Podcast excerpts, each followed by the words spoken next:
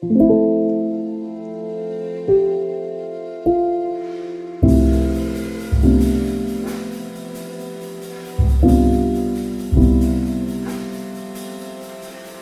det att prata om allt?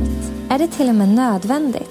Det här är en podcast som utforskar påståendet att hälsosamma relationer börjar med att våga säga som det är. Följ med in i en sårbart stark värld av både tårar och skratt. Varmt välkommen till Pingst relationer.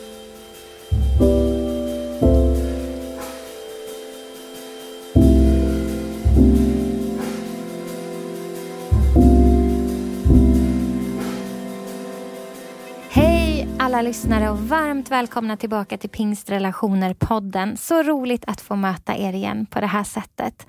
Vi är ju i en serie som handlar om psykisk hälsa, psykisk ohälsa. Det har blivit emotionell hälsa och lite existentiell hälsa och garanterat relationell hälsa, för det hänger ju ihop alltihopa. Och idag så har jag en gäst med mig som ni alldeles strax ska få höra och ni kommer känna igen rösten lite grann för han har varit med förut. Men förutom att han är här och ska få prata så har vi faktiskt i soffan bredvid honom hans fina fru också som sitter och grejar här. Så det är superroligt. Så hör ni någon i bakgrunden som gör någonting, då vet ni att då är det Kerstin. Men vem är det som sitter framför mig? Ja, Alf B Svensson heter jag då, är psykolog, bor i Eksjö. Har jobbat som psykolog inom skola och förskola i, i drygt 40-50 år. Skrivit lite böcker, varit ute och föreläst om relationer och eh, en hel del andra saker också ibland. Jätteroligt att du ville komma tillbaka. Tack, för du gjorde jag inte bort mig helt förra gången. Nej, och inte jag heller. Nej, du, jag blir imponerad. Ja, tack. Det känns jätteroligt att vi har fått lära känna varandra. Ja, tycker jag med. Ja. Verkligen. Och du har skrivit en ny bok nu som jag har fått läsa också. Ja, och nu, fler ska väl få läsa den hoppas jag också. Det men, blir det säkert. Ja, ja. Den ska vi prata lite om idag. Ja. Men jag tänkte innan vi kommer in på boken och vad den handlar om och sådär. Så vi är ju den här serien om psykisk ohälsa och psykisk hälsa. Och jag vet att du tangerar det området en del i boken. Eh, och jag vet också att du som människa alltid kan se de kopplingarna till det som du skriver och forskar om och sådär. Eh, vad, vad tänker du om den psykiska ohälsan som är och hur, hur mår vi egentligen?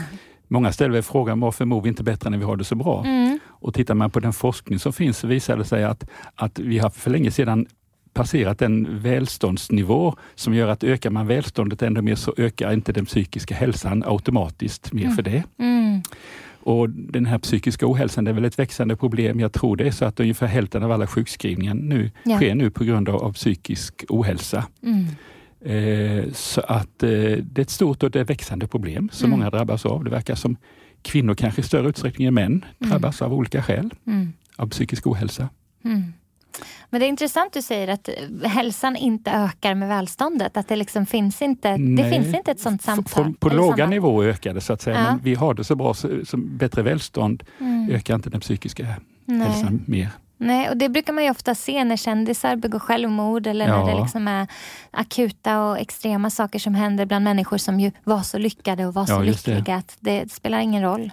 Och Det finns ju en hel del lyckomyter nu. Jag har tagit mm. reda på det. Fyra vanliga lyckomyter. Det är att, mhm. att man kan köpa lycka för pengar. Mm. Och då är det så att har man dålig ekonomi och, och, och, får mer pengar så blir man lite lyckligare. Men har man så man klarar sig lite till så blir man inte mycket lyckligare om man bor i ett hus på 10 miljoner eller ett hus på 2 miljoner eller man har mycket pengar på banken eller mm. fonder. Mm. Wow. En annan lyckomyt är det här att, att eh, att, man, eh, att prylar gör oss lyckliga. Och eh, jag har en fru som gillar att shoppa och mm. hon säger att hon blir lycklig. Mm. Och det tror jag, men ska man utgå från den forskning som finns så blir vi lite lyckligare under ett halvår eller ett år. Sen klingar den här lyckan av och vi är lika lyckliga eller olyckliga som vi var innan. Wow. Jag var i Ullared en gång, jag vet inte om du har varit där. Jo, det har varit. Kom, kom det ut en kvinna där. Det är ju det mest besökta, besökta turistmålet i Sverige. Ja. Då kom det ut en flicka, en kvinna därifrån med en överlastad varuvagn mm. och sa att den som säger att man inte kan köpa lycka för pengar har aldrig varit Ullared. Just det. Men som sagt det, den klingar av. Ja. Sen blir man lite förvånad om man jämför friska som, med, som grupp med sjuka som grupp, så är friska lite lyckligare än sjuka om man jämför mm. på gruppnivå. Mm. Men det finns många svårt sjuka som är lyckligare än de som är kärnfriska. Ja. Wow. Och jag läste en krönika, en journalist skrev att hon hade fått cancer. Mm. Samtidigt skrev hon att de finaste stunderna i mitt liv har jag upplevt sedan jag fick min cancer. Mm. För aldrig tidigare hade folk brytt, upp, brytt sig, ställt upp och visat mm. så mycket mm. kärlek och omsorg som det. Wow, du säger... Men när du säger det där, lycka och alltihopa, så tänker jag att det är också en ganska destruktiv myt att vi måste bli så lyckliga. Ja, det är ju inte livets mening att, att man ska bli lycklig. Nej, och vad är det ens att vara lycklig? Ja. Jag, tror, jag tror ibland att vi blandar ihop att vara lyckad och att vara, eh, att vara lyckad och att vara lycklig. Att vi tänker på något sätt att när vi har lyckats med en massa ja, saker, precis. då borde vi vara lyckliga. Ja. Men jag tror att, att, att finna sig i en tacksamhet för det man har, där kan det finnas lycka. Ja. Och Det behöver inte betyda att det är speciellt lyckat i, i materiella mått mätt. Och, och, lycka är egentligen en biprodukt. Det, det viktigaste i livet är att man lever, lever ett meningsfullt liv. Och lever man ett meningsfullt liv, då kommer lyckan som en bonus. Så att ska man om man nu vill bli lycklig så ska man satsa på att leva vad är ett meningsfullt liv. Då, då, då, känner man en inre tillfredsställelse och det påverkar den, den psykiska hälsan verkligen positivt. Mm. Och ett meningsfullt liv, det kan ju vara supersvårt. Ja, det alltså, är det. Att jobba det... med människor kan ju vara ganska svårt, men ja. väldigt meningsfullt. Ja. Till exempel. Mm. Och vad som är meningsfullt för en viss människa ja. kanske inte meningsfullt för en annan. Nej, men du, vad spännande. Ja. Du, vi kör på här. Vi liksom, jag vet att tiden kan gå fort när vi pratar. Så vi, vi, det här är väldigt intressant. Jag tänker, du pratar om lyckoforskning. Det finns ju väldigt mycket sån här självhjälps... Um, grejer och böcker och tester och personlighetstester ja. och alltihopa. Och jag tänker att, tror du inte att um, väldigt ofta när vi söker svar i det så är det just för att vi vill förstå oss själva för att vi ska kunna bli lyckliga? Ja, ja. Eh, den här boken Omgiven av idioter som du kanske har läst mm. tillsammans med 500 000 andra bara ja. i Sverige. Det är för att upptäcka vem är jag, vad jag är bra på, mm. vad ska jag satsa på. Mm. Jag var också inne på nätet i veckan och tittade på, det finns ju ett sånt här personlighetstest som heter enneagram som mm. man gratis kan ladda ner från nätet.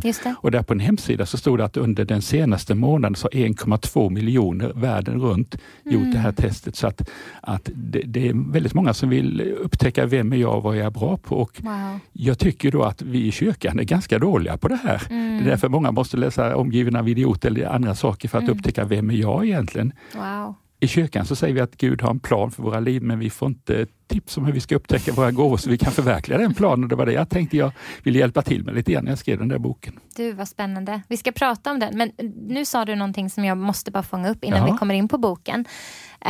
Uh, 1,2 miljoner, var det bara senaste veckan? Senaste månaden. Det är helt otroligt. Ja. Vad många som söker. Ja. ja. Som söker svar på vem de är och hur de ska förstå sig själva bättre. Ja, precis. precis. Det finns ett andra bättre. Ja, ett väldigt ja. behov av det finns det. Ja.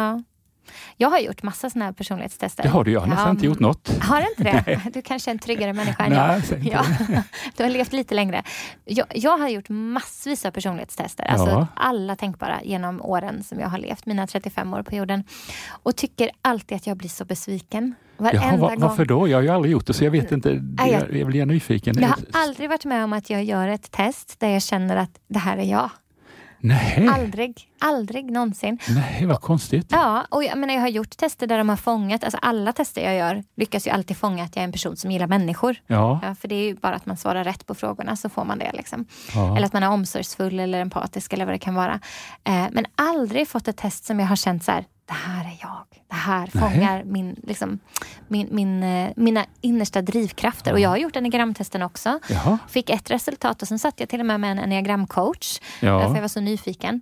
Eh, och då sa hon, det där är du inte alls det, du är den här. Och jag var inte nöjd med det heller. Det känns inte som att det finns... Jag tror att testerna i sig kan inte säga vem jag är. De kanske kan ge lite verktyg och ja, lite, liksom peka en i någon slags riktning om eh, ja, men, det här verkar vara värdeord eller det här verkar vara tendenser som, som säger någonting om dig.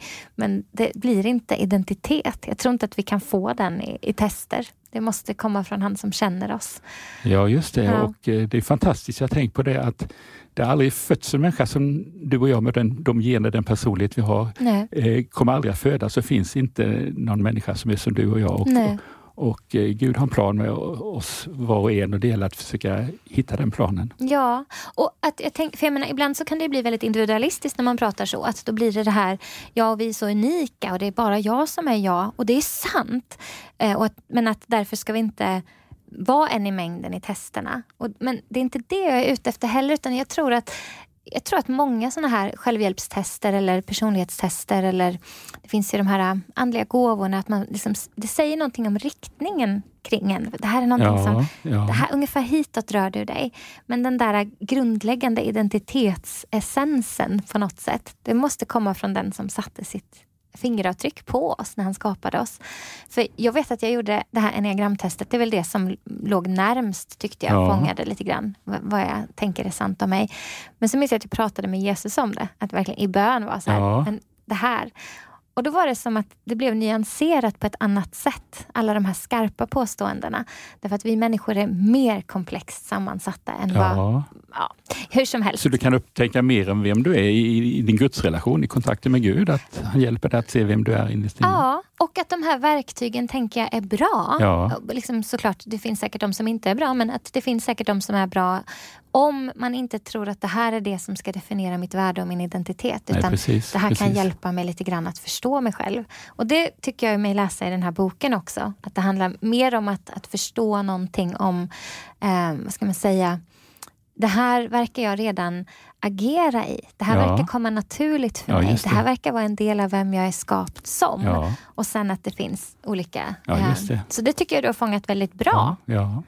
Uh, vill du säga vad det är för bok du har skrivit? Ja, ska vi se här. Den är så färsk den så den heter Upptäck ja. alla dina gåvor. Ja.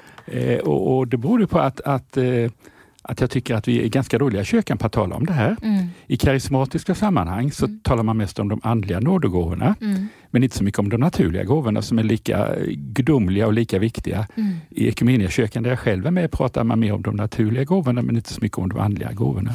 Det blir antingen eller hela ja, tiden. I karismatiska sammanhang så, så talar man om de här så kallade tjänstegåvorna och det här att profetera och be för mm. sjuka. Men det finns ju ett 15-20-tal olika nådegåvor, många inte alls särskilt karismatiska. Att, att vara givmild, att tjäna, att, att leda, att, att förmana, att dela med sig. Mm. Så jag försöker, har skrivit en bok som jag hoppas både de i trosrörelsen och de i Equmeniakyrkan ska kunna ta till sig. Det är en stor utmaning. Du täcker in helt. Jag vet inte hur jag lyckas. Men vad spännande. Ja. Men tror du att vi är, att vi, att vi gärna hamnar i det här kategoriserandet, att vi väljer en del och så är det det som vi kan säga någonting om, men att vi inte alltid får med hela bilden? Ja, och när jag tänkt på de här, både de naturliga gåvorna och de andliga nådegåvorna, det är inte bara så att man har en, utan man har mer eller mindre av många olika gåvor. Det är därför var det min fru som hjälpte mig. Titeln på boken, jag tänkte den först skulle vara Upptäck dina gåvor. Då sa hon Upptäck alla dina gåvor, för vi har mer eller mindre många olika gåvor, inte bara en, en viss personlighetstyp, så att säga, röd eller gul eller grön, grön personlighet, utan man har mer eller mindre av många olika gåvor. Just det, vad spännande. Ja. Men de här gåvorna som du pratade om nu i början, alltså tjänandets gåva och förmaningen, ja. det, det pratar vi inte alls så mycket om. Nej, Nej. och jag, jag skrev en debattartikel, en krönika i Dagen senaste mm. numret. Eh, apropå att det är en hel del stora ledare som faller och ju högre upp de är desto mer djupare mm. blir fallet. Och eh, en av nådegåvorna är ju att förmana. Jag tror att om vi uppmuntrade fler att använda och upptäcka den gåvan att förmana eh, så skulle vi hindra en hel del eh, från att falla. Både stora ledare och vi själva kanske inte skulle falla heller för vi mm. faller ju också för frestelser och vi behöver mm. vara mer öppna mm. att förmana på ett kärleksfullt sätt. Och, en del tror att de har fått gåvan att förmana. Det är de som hittar fel på allt och alla, men det är inte de som ska förmana.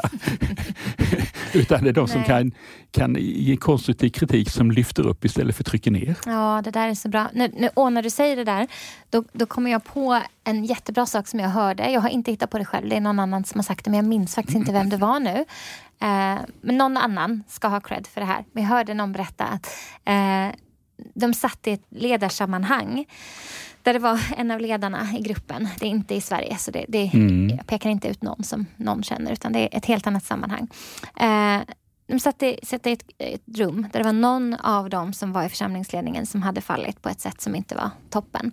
Och så gick de runt, laget runt och skulle ställa frågan vem av er skulle kunna ha gjort det här? Vem av er skulle kunna ha hamnat i den här situationen? Ja. Och en efter en bara, nej inte jag, nej inte jag, nej inte jag, nej inte jag. Mm. Och så till slut så kom de till en person som stannade upp och bara, mm, ja, men under rätt omständigheter, i rätt typ av press i livet, om det var, om faktorerna och omständigheterna mm. var liksom så att säga rätt. Ja. ja, jag skulle kunna ha hamnat där. Jag kan se att jag också skulle kunna ha hamnat där. Bra, sa ledaren i det rummet. Då är det du som ska ansvara och gå bredvid den här personen för att vara med i den personens upprättelseprocess. Ja, och, det. och det tyckte jag var briljant. Ja. För jag tänker att vi kan inte ha ansvar och mandat över någonting vi inte har kärlek över. Vi, vi kan liksom inte eh, ha rätt att tala in i situationer som vi bara tittar kritiskt på Nej. men inte kärleksfullt på. Så när du pratar om gåvan att förmana, då tänker jag att det är den typen av gåva, att se allmänmänskligheten och Ibland händer det att eh, folk kontaktar mig som sitter fast i ett porr eller sexmissbruk. ja, Och vilka är det som bäst kan hjälpa dem? Jo, de som själva suttit fast i den här smörjan och skiten. yes. Så då kan jag, för, jag hänvisa till sådana, för de kan bättre hjälpa dem än jag kan. Ja, och det är jätteklokt. Det är jätte, jätteklokt. Jag hänvisar alltid till Starta om när det kommer till det. Ja, just det, det de, finns ju den. Ja, de har stenkoll. det. Och de vet och de har också den principen att vi kan hjälpa utifrån kärleken av att vi själva har blivit hjälpta. Precis, och det, precis. det är någonting häftigt med det. LP har ju också Ja. liknande eh, och det är väldigt effektivt. Därför att kärlek är väldigt bra Ja. på att korrigera. Om man, Och jag, jag tror vi har en del, del att lära av Jesus, när han, Mm. hur han bemötte människor. Kvinnan som var tagen på bar gärning när hon, hon Mm. hade begått äktenskapsbrott. mm, Då ville fariséerna stena henne, men Jesus vände sig till de där rätt trogna och sa Ja. den som utan synd kan kasta första sten. Sen exakt. sa han så befriande till kvinnan, jag dömer dig inte. Nej. Men så sa han, gå och synda inte mer. Så vi ska inte döma, men vi ska Mm. hjälpa folk att gå vidare utan att falla, men utan att fördöma och se ner på. Förfalla kan vi alla göra. Ja, visst. Och, och att det behöver finnas verktyg då. Precis. För att leva livet upprättat och, och, och liksom hitta, hitta vägar för att ehm, att inte hamna där igen. Och då Ja. tänker jag, då är det också det här med om man som ledare har människor runt omkring sig som kan korrigera och förmana och tala in i Precis. ens liv. Finns det insyn? Finns det någon som vet om vart jag har mina eh, blind spots Ja. eller eh, liksom akilleshälar? Finns det någon som vet det och kan säga, men är du En fördel med att vara gift är ju att min fru vet ju saker som jag kan dölja för dig och för en del andra. Så hon är vänlig, hon påpekar dem ibland också. Det Hon gör det? Ja, det gör hon ibland. Så att det, det får man vara tacksam för, även om man inte är tacksam just då. Men, Mm. men eh, är man inte medveten om sina svagheter ska man fråga sin fru, sin man, sina barn. Ja. Eller de man jobbar nära tillsammans med, Ja. för de kanske ser det när man själv har sina blinda fläckar. Ja, och det, det, här, det finns ju ett annat sånt personlighetstest som jag vet att de har använt en del i Pingst här som jag jobbar för. IDI tror jag det heter. Eh, det ska jag utforska lite mer. Det ska vi se om vi inte ska prata lite om i podden vid något tillfälle. Men där är ju det ett av eh, stegen i processen att ta reda på så att säga vem man är, vilket hörn man Ja, hamnar det. i. Att man ska fråga dem runt omkring. Ja, men hur skulle en kollega beskriva mig? Hur skulle en, eh, Precis. vad ska man säga, en församlingsmedlem om man är pastor kanske hur skulle min man beskriva mig och så får man någon slags slutresultat för att vi, ser, vi speglar också oss själva i andra Oh, och, ja. och ibland så visar vi upp oss själva olika i våra olika miljöer. Man har olika roller. Ja. Men då finns det alltid någonting då som, som kanske sticker ut som är så här är jag alltid. Precis, så att säga. Ja men vad spännande. Du, det här är, kan man prata mycket om. Eh, vill du berätta, vad handlar boken om då? Ja. Upptäcka alla dina gåvor. Ja. ja. Jag kanske ska nämna lite grann om hur man upptäcker sina gåvor. Mm. Ja, kör. Det, det vanligaste är väl att man utgår från vad man, vad man är bra på. Mm. När jag gick i skolan, jag fyller ju 80 nästa år, så att det, det var länge sedan jag gick i skolan, då var man antingen praktisk eller läshuvud. Just det. Men nu, nu, nu vet man ju att det finns ett tiotal olika begåvningar. Man kan vara socialt begåvad, eh, språkligt begåvad, matematiskt logiskt begåvad, spatialt begåvad och massa andra saker. Mm. Eh, de senaste åren har man kommit på en ny begåvning som jag har upptäckt att jag har, för jag var varken praktisk eller läshuvud. Mm. Inte särskilt social och inte särskilt analytisk och språklig heller. Nej, egentligen om jag ska vara ärlig. Men den senaste, den nyaste begåvningstalangen som man har upptäckt är en existentiell begåvning. Ja. Den är rätt ovanlig. Man har en medfödd eh, starkt intresse för, för, för livsfrågor, hur man ska leva livet för att få ett bra liv. Mm. Och min pappa som inte heller var särskilt smart, han hade den här Mm. gåvan, i intresset. Och, så jag har en existentiell begåvning, en medfödd intresse Wow. för, för livsfrågor. Wow, vad spännande. Ja. Sen är ju problemet om man frågar de som har dåligt självförtroende vad de är bra på, så börjar de räkna upp allting de är dåliga på. Just det. Och då ska man istället utgå från vad man tycker har varit roligt. Mm. Så om du skulle titta lite grann på vad du har varit bra på i de jobb du har haft så ska du tänka på vad, vad var roligast i det jobbet? För det Mm. man, eh, Prata med människor, det var ja, roligast. Ja, och det är du säkert väldigt bra på. Det, det, det man- behöver man inte vara psykolog för att märka. Nej. Eh, eh, Tredje sätt att upptäcka sina, sina gåvor det är ju att eh, utgå från vad man brinner för. Man tänker att det här borde någon göra någonting åt. Ja. Eh, Det är rätt roligt nu när jag sitter här i pingst för att, att jag nu har skrivit, jag tror det här är min tionde eller elfte bok mm. beror på ett samtal jag fick från en journalist på Pingst tidning som heter Evangelie Herre för 30-40 år sedan. Mm. Då hade jag skrivit en liten insändare, skickat in och då ringde den här journalisten som heter Birgit Eriksson, jag vet inte om hon lever, mm. upp mig och sa det var en bra insändare. Kan inte du komma upp till Stockholm så du kan skriva en hel artikel? Och hade inte hon eh, eh, ja, det här var en uppmuntran, jag halkade lite fel här. Mm. Hade jag inte fått en uppmuntran så hade jag inte skrivit en enda bok. Wow!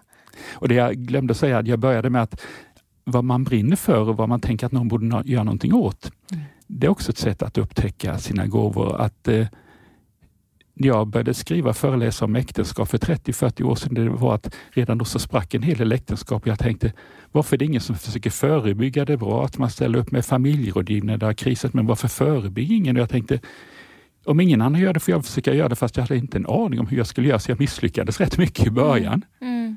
Mm. Och sen måste man väl också våga testa nya saker mm. för att upptäcka vad man passar för, vad man inte passar för. Jag tänkte för några år sedan jag blev ombedd att sitta med i en styrelse i en församling. Mm. Jag satt ett år sedan, jag har aldrig varit med i en styrelse och undvek alla sammanträden för det bara sög. Jag ville bara därifrån.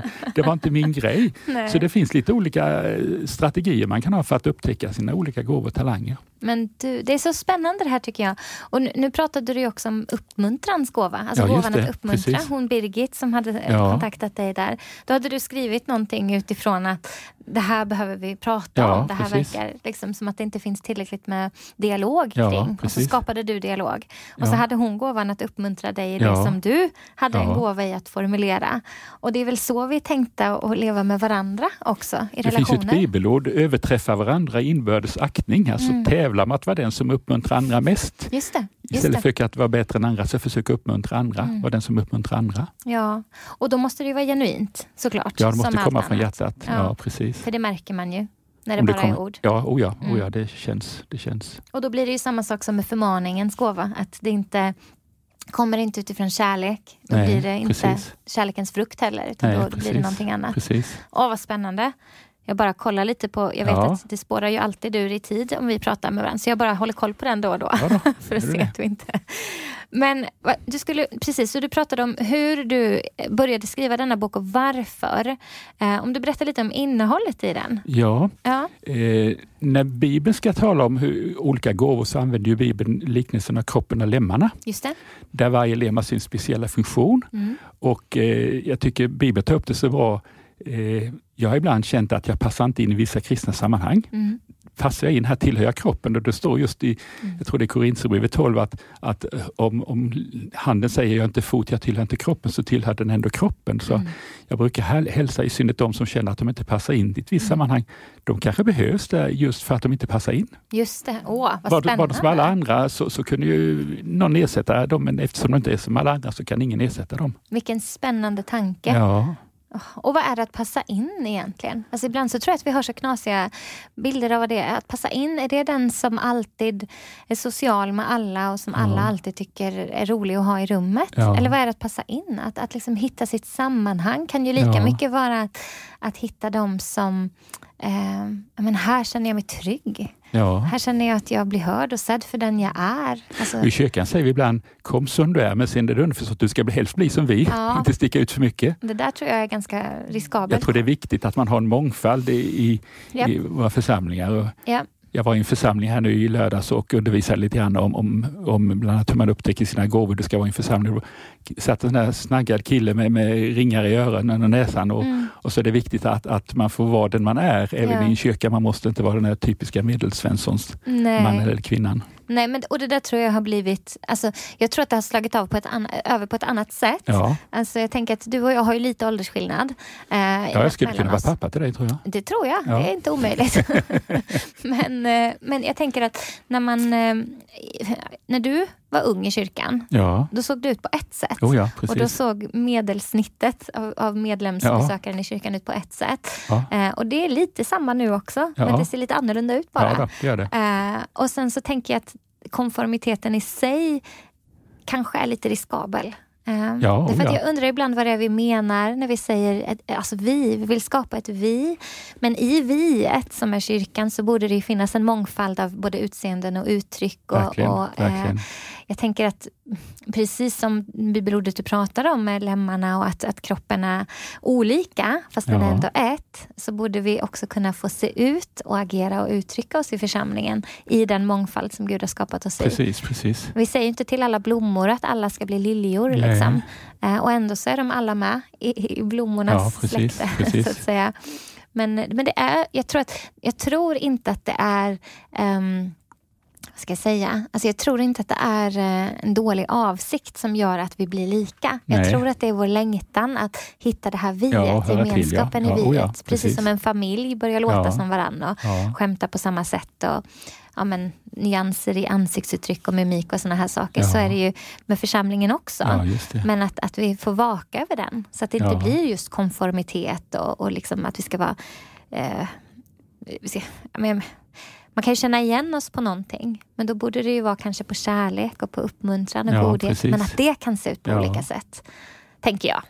Det som skiljer lite grann den här boken från, från, allt annat är att jag försöker konkretisera vad innebär det att vara öga, och öra, och hand och fot och hjärna och hjärta som Bibeln talar om. Och jag, om du kan ge några exempel. Mm. Ja, visst, att vara öga så kan man ju vara öga på olika sätt. Man kan vara bra på att se människor. Jag har en fru som ser människor väldigt mycket mer, bättre än jag gör. Sen kan man också vara öga på det sättet att man är visionär. Man ser vad måste vi ändra på nu i vår församling för att det ska vara en levande och aktiv församling, eh, relevant församling om tio år. Mm. Man kanske också kan vara öga på det sättet att man man eh, ser möjligheter när andra bara ser svårigheter. Mm. När folk kör huvudet i väggen så letar man upp en dörr, men man kan gå vidare. Wow. Mm. Och Det här med att vara öra, det finns kanske ingen egenskap som är så viktig men som är så undervärderad som, som gåvan att lyssna. Eh, och Bibeln talar om, prata inte så förtvivlat mycket utan var bättre på att lyssna. Mm. Och, och eh, jag har varit ganska bra på att lyssna på jobbet men hemma tycker inte alltid min fru har varit så bra på att lyssna så hon har sagt ibland att Alf hörde vad jag sa? Ja, säger jag. Då kommer nästa fråga, vad sa jag? Ja. Då kommer jag inte alltid ihåg sista ordet i meningen. Faktachecka lite där. Ja. Att vara, att vara hjärtad är den som är bra på relationer, mm. den som är empatisk, som bryr sig om andra. Mm. Den som är hand kan vara den som är praktisk, den som har en givande hand som är generös. Mm.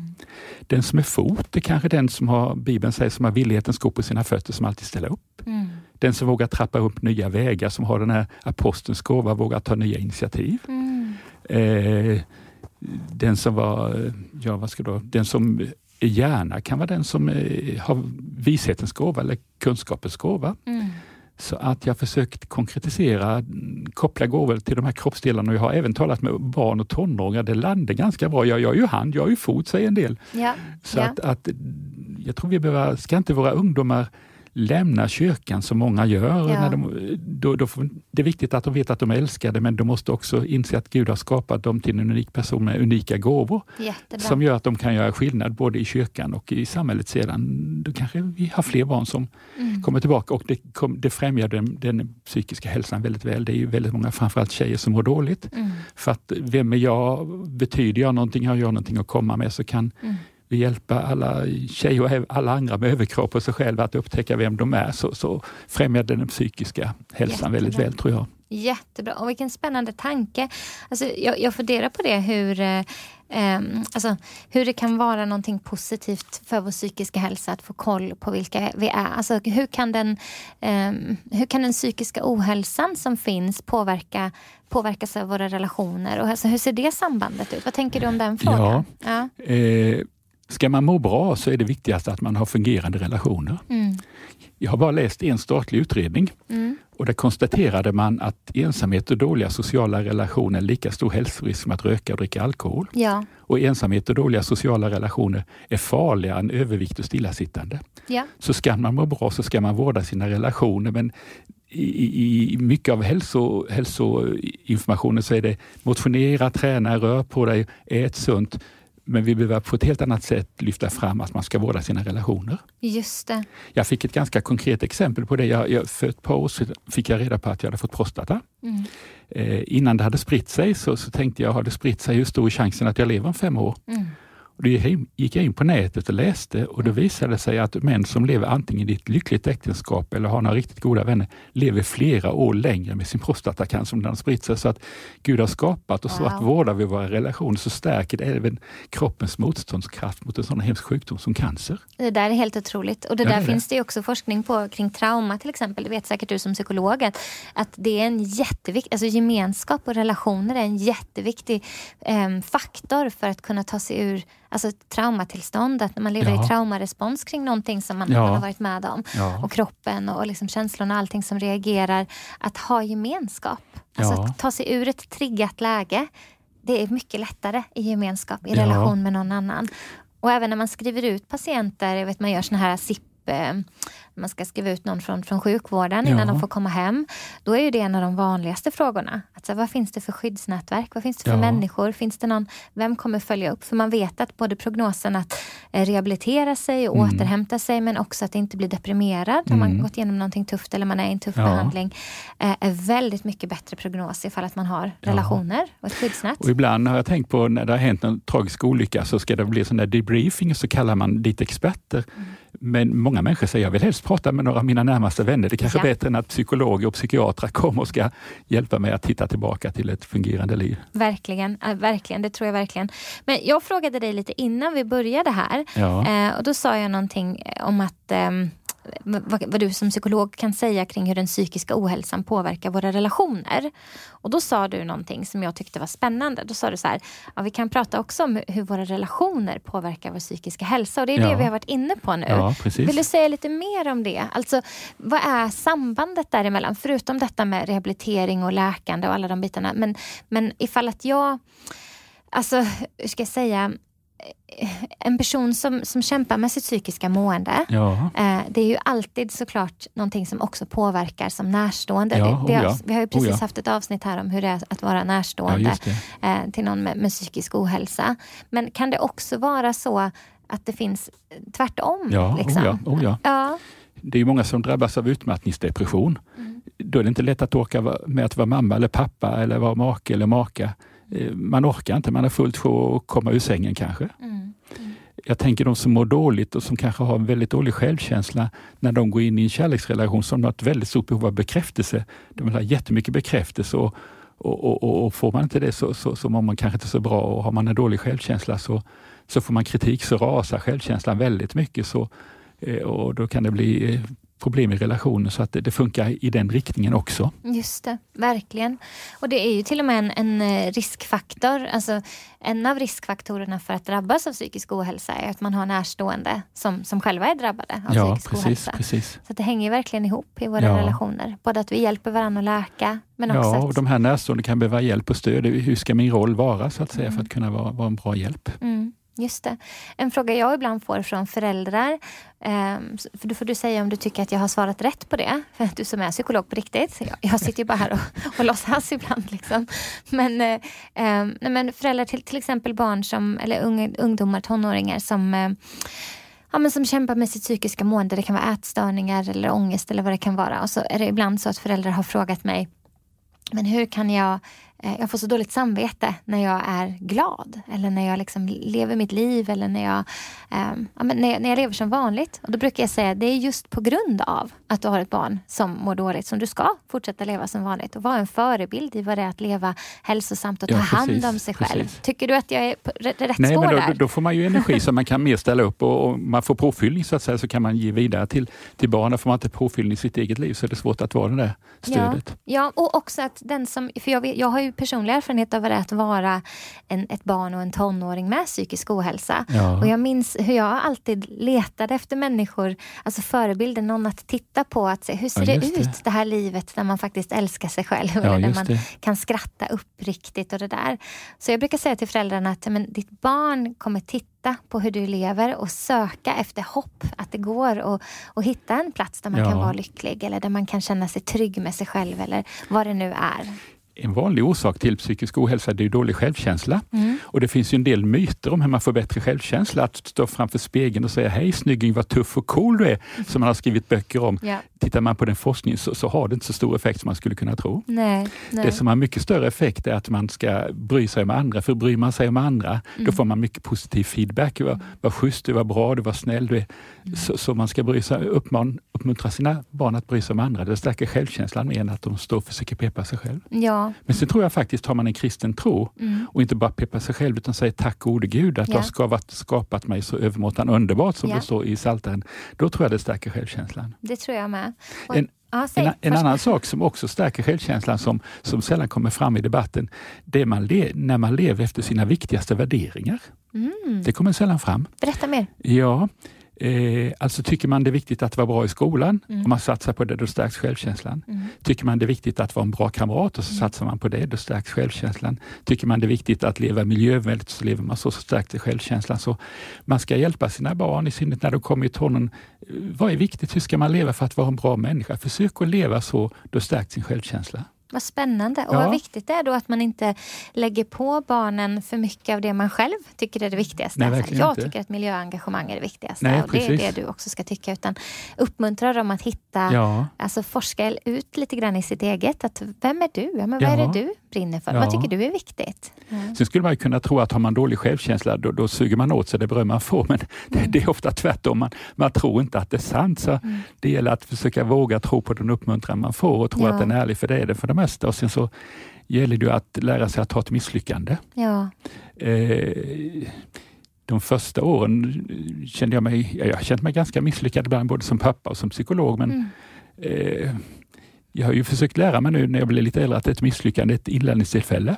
Just det. Eh, jag kan lära mig någonting av mina misslyckanden och mm. de flesta misslyckas. Jag, jag blev så glad jag lyssnade på en intervju mm. i samband med Nobelfestligheterna. Mm. Kerstin brukar gärna titta på den här galamiddagen, alla tjusiga klänningar och diadem och sånt där. Mm. Jag tittar lite på det men så lyssnar jag ibland. Det brukar finnas ett program som heter Snille spekulerar. Mm. Då intervjuade man för några år sedan en Nobelpristagare i kemi och mm. frågade om han hade misslyckats någon gång med sina experiment. Och då sa han att 99 procent av alla experiment jag gjort har misslyckats. Så då tänker jag att man kan få Nobelpris när man bara lyckas med en procent av det man gör. Då kanske det inte är så farligt om du och jag som är helt vanliga Nej. människor misslyckas ibland. Nej, men det, det, där tror jag verkligen på. Kära någon. Jag har ju skrivit ganska mycket musik och hållit på med sånt Jaha, förut. Det också, ja. ja, det har jag på med. Och skriv, alltså, gick musikskola och såna här saker. Alltså, för varje låt som faktiskt blir någonting att visa för någon annan ja. så finns det ju 20 låtar eller låtutkast som är inte inte Nej. acceptabla.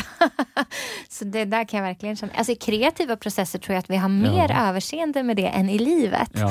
Att när det kommer till, jag målar den här tavlan, men du ska sett hur många tavlor jag har målat som inte blev ja. eh, fenomenala. Men just när det kommer till livets resa, att utforska och upptäcka vilka vi är och våra gåvor och våra styrkor. Eller att hitta, för det tycker jag är minst lika viktigt som att hitta våra styrkor. Att hitta vad är mina sårbara punkter. Den är också väldigt viktig. Eh, men på den resan av att utforska det så finns det misslyckanden. Hur jag kanske ska berätta, när jag skrev mm. mitt första manus så skickade jag det mm. till, till, jag kan säga det var förlaget Philadelphia. Mm -hmm, -hmm. Då sågade mig längs med fotknölarna. Det var ett urdåligt manus.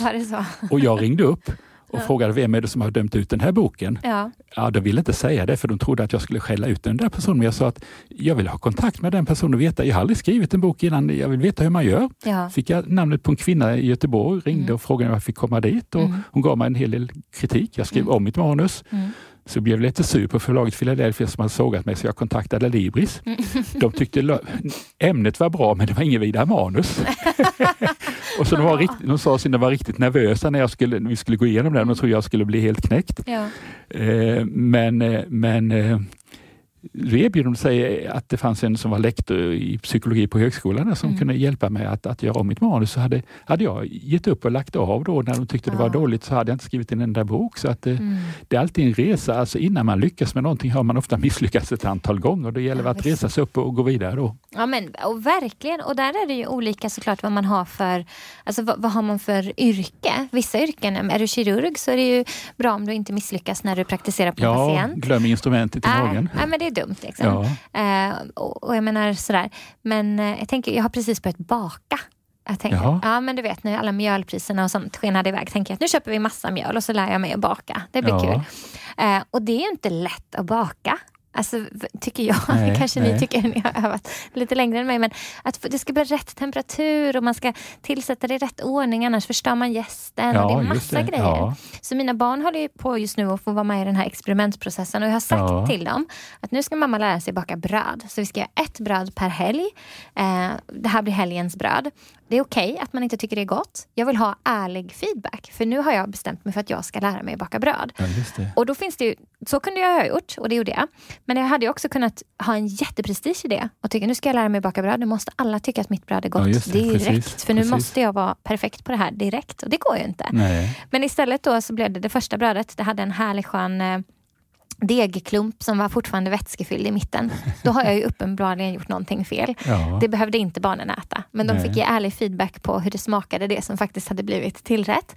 Och sen så nästa gång då, när det blev bra, min dotter blev överlycklig. Mamma nu är det helt, det är torrt i mitten, det är ja. jättebra. Då kan man fira ett sånt framsteg. Ja. Därför att i jämförelse med vart jag var precis innan så var att det var torrt i mitten var bra. Så ingenting om hur det smakade. Men bara att det var det. Och det tänker jag att då är det inte lika farligt och riskabelt att misslyckas Nej. när det bara är lite bröd. Men när vi har med människor att göra och församling, ja. får vi vara väldigt varsamma ja, om att verkligen. inte misslyckas på bekostnad av varandra. Oh ja, precis. Mm. Man kan mm. såra varandra djupt. kan man göra. Oh ja. Verkligen. Ja, Spännande. Oj, hjälp. Du, jag kollade på klockan här. Det går fort när vi pratar, Alf. Mm. Um, du, den här frågan då? Jag tittade lite på vårt manus här nu. Vilken vikt tycker du att det spelar att känna sig själv och förstå sig själv väl? Alltså för vår existentiella hälsa och för vårt, eh, ja, men vår, vår, plats i världen på något sätt. Vad tänker du om det? Jag har inte så mycket att säga. Jag menar att, att det, det, är väldigt viktigt och väldigt grundläggande att man upptäcker vem man är och vad, vad, man ska göra här i livet. Vad ska jag använda min tid och min begåvning och mina pengar till? Det, mm. det behöver vi alla fundera på. Mm. Så det, det, var väl ett kort svar på ja, en fråga kort. som du kanske har, har, har fylliga svar till. Nej, men jag tänker, men, hur, vad tänker du att existentiell hälsa är? Alltså, ja, det har ju flera dimensioner ja. och Världshälsoorganisationen säger då att, att eh, det är lika viktigt som vår fysiska och psykiska hälsa och det har olika dimensioner. En, en dimension är ju detta att man hittar en mening med livet mm. och den kan se olika ut. Mm. Jag har funderat på, en del säger att eh, bli rik och känd, en del tycker att för familj, få familj och barn. Mm när jag funderat på vad som är meningen med mitt liv, då mm. har jag mm. kommit fram till nu på gamla dagar att det är med den kunskap och den erfarenhet jag ska försöka göra livet lite lättare att leva för de människor jag möter. Det, mm. det tror jag är meningen med mitt liv. Sen kan andra hitta helt andra mm. meningar med sitt liv. Mm. Eh, de som har en god existentiell hälsa har ju, känner ju hopp och framtidstro. Mm. Man känner hopp både när det gäller det egna livet, att jag kanske inte mår bra men det kommer bli bättre. Man känner också en hopp när det gäller situationen i världen. Vi tror, mm. Man hoppas och tror att kriget i Ukraina ska ta slut, att vi ändå ska kunna leva mer, mer klimatsmart så att vi inte förstör vår natur. Eh, de som har god existentiell hälsa har ju också en personlig tro. Mm. Och jag tror att tron på Gud i sig gör att man klarar kriser och svårigheter mm. bättre. Mm. Har man en personlig tro är man ofta med i en social gemenskap där mm. man får mycket hjälp och stöd som betyder så viktigt. Så att eh, mm den existentiella hälsan har flera olika, mm. olika delar. Mm. Man känner förundran också över, över tillvaron och över sig själv. Och, eh, får jag säga, jag vet inte om det passar in på det, men mm. när jag ibland står på toan och kissar och ser den här gula strålen så tänker jag, det är ju, tack gode gud, det är fantastiskt. Här det är köttbullar, potatismos som omvandlas mm. till tankar och känslor. Så kommer mm. restprodukterna. Här det, kroppen är ju fantastisk och, ja. och jag tänker bara ett litet nyfött barn, den lilla befruktade mm. äggcellen, mm. där finns världens mest komplicerade dataprogram ja. som styr hela fosterutvecklingen. Bill Gates och andra kan kasta sig i väggen. Ja. Det går inte att jämföra med det dataprogram som Gud har konstruerat Nej. och lagt ner den lilla befruktade äggcellen. Så att jag känner en stor förundran över människokroppen och ja. att vi fungerar som vi gör. Det är helt fantastiskt. Ja, det är häftigt. Det är helt otroligt. Jag minns när vi, när vi vår son David, när han, när han hade kommit till och fanns i min mage. Och vi skulle titta på det här ultraljudet. Ja, Jag kunde inte sluta fascineras över ryggraden. Jaha. Alltså jag var helt, helt otroligt när jag såg den här ryggraden. Det lyser upp lite vitt på ultraljudet. Ja, liksom. För det är skelettet och det syns ju. Ja, liksom. Och bara, han har en rygg... Den här lilla människan, vi visste inte att det var en pojke, men den här lilla människan har en, en ryggrad. det finns en liten ryggrad här. Det är en riktig liten det, det, är ett liv här inne. Och var så fascinerad över det. Och, och kunde liksom inte för mitt liv förstå eh, tanken på att det här skulle ha skett av en slump. Nej. Att det skulle vara så här, oj vilken lycklig omständighet som gjorde att det blev den här lilla skatten. Ja, ja. Och så kom David ut en dag liksom, och vem han är och se honom, alla hans otroliga egenskaper och fantastiska finurligheter. Ingen som är som honom i hela världen. Och det är fantastiskt. Jag har läst att, du kanske inte vet vid en befruktning, jag tror det, det är flera miljoner spermier som tävlar om att komma först Ja. i ägget. Ja, visst. Hade ett Mm. annan, en annan spermie simmat snabbare och kommit först så hade det blivit ett helt annat barn med en annan Ja. personlighet. Ja, visst, det är helt otroligt. Ja. Det är helt kan man otroligt. tycka att det är ett slöseri att flera miljoner spermier ska tävla om att komma först i ägget. Det räcka med några stycken. Ja, det är ju lite frustrerande också att livet var en tävling redan från start. Ja. Liksom, om vi inte ska hålla på med jämförelse och prestation. Ja. Men, Ja. Och den spermie som hade dina anlag Mm. vann, kom först i världens största tävling. Nej, det är helt otroligt. Det är helt, helt makalöst. Jag kan inte förstå det. Eller bara titta på blommorna. Alltså, det är verkligen, kolla, vi håller på just nu, jag och mina barn, vi har precis eh, flyttat till ett hus, familjen här. Vi är jätte, jätte glada för det. Och vi har en trädgård som vi ska försöka fylla med, med liv och Ja, blomster och prakt. Och då har vi eh, fått hem massa fröer som vi har satt i jorden. Du vet en sån här första liten eh, odlingspott som Ja, de ska sitta det. i. Ja. Och så när vi tog ur alla fröna ur påsarna. Alltså vi hade, det var en sån fest. Alltså fröna är helt olika. Jag visste Mm. inte det här. Nej. Alla såg inte likadana ut. Nej, nej. Det fanns ett frö som hade som en liten spiral längst Ja. upp. En jättevacker, den hette, hette den bergnäva, hette den så? Helt otroligt. Finns det en blomma som heter så? Vet- Vet ej. Nej, kanske. Du vet inte. Men den, den var som ett vanligt frö och sen så hade den som en spiral som var jätte man behövde vara så varsam med den lilla spiralen. Och så skulle man sätta den, eh, fröet ner men spiralen skulle vara uppe. Och bara, det var ett frö och så var det ett som var bara som en stor svart klump. Och så de här pyttesmå som man skulle kunna tro var damm. Alltså, bara, redan i fröerna så Mm. finns det en mångfald av skönhet. Eh, vad mycket olika gåvor och potential det precis. finns i dem. Ja. Ja, och så tänker man på oss. Och så tänker man på oss. Det är inte konstigt. Det är inte konstigt att vi är olika.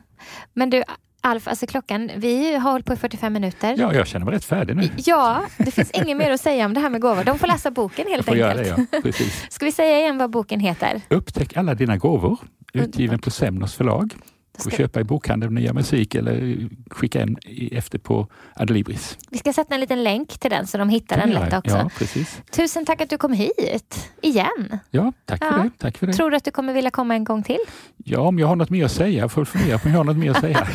Jag Jag får rinna till i så fall. jag tror du har mer att säga. Ja, vi får väl se. Tusen tack för den här stunden. Tack själv. Och tack alla ni som har lyssnat. Jag förstår att ni är ivriga på att eh, köpa boken och börja upptäcka alla era gåvor. Att ni är nyfikna på eh, men om ni kan få tag på några verktyg för att hitta mer, liksom det här, vart är jag på väg? Vad är min riktning? Vad är min styrka? Vad kan jag Eh, vad kan det finnas i mig som jag behöver få lite bättre koll på för att blomstra som människa och att hjälpa dem runt omkring mig att blomstra bättre. Men kom ihåg också att alla de här böckerna och tester och resurser och verktyg som vi pratar om hela tiden, ingenting av det eh, står liksom före detta med att lyssna in och söka svar på att sanningen om dig är att du är älskad, att du är utvald, att du är dyrbar, att du är skapad i och för kärlek av den som är kärleken själv och att det är det ytterst sanna om dig. Och så får alla de här resurserna vi har bli verktyg för att förstå oss själva bättre. Och det är ju fantastiskt. Ska vi säga så Alf? Vi säger så. Tusen tack att du har lyssnat. Jag ser fram emot att mötas snart igen.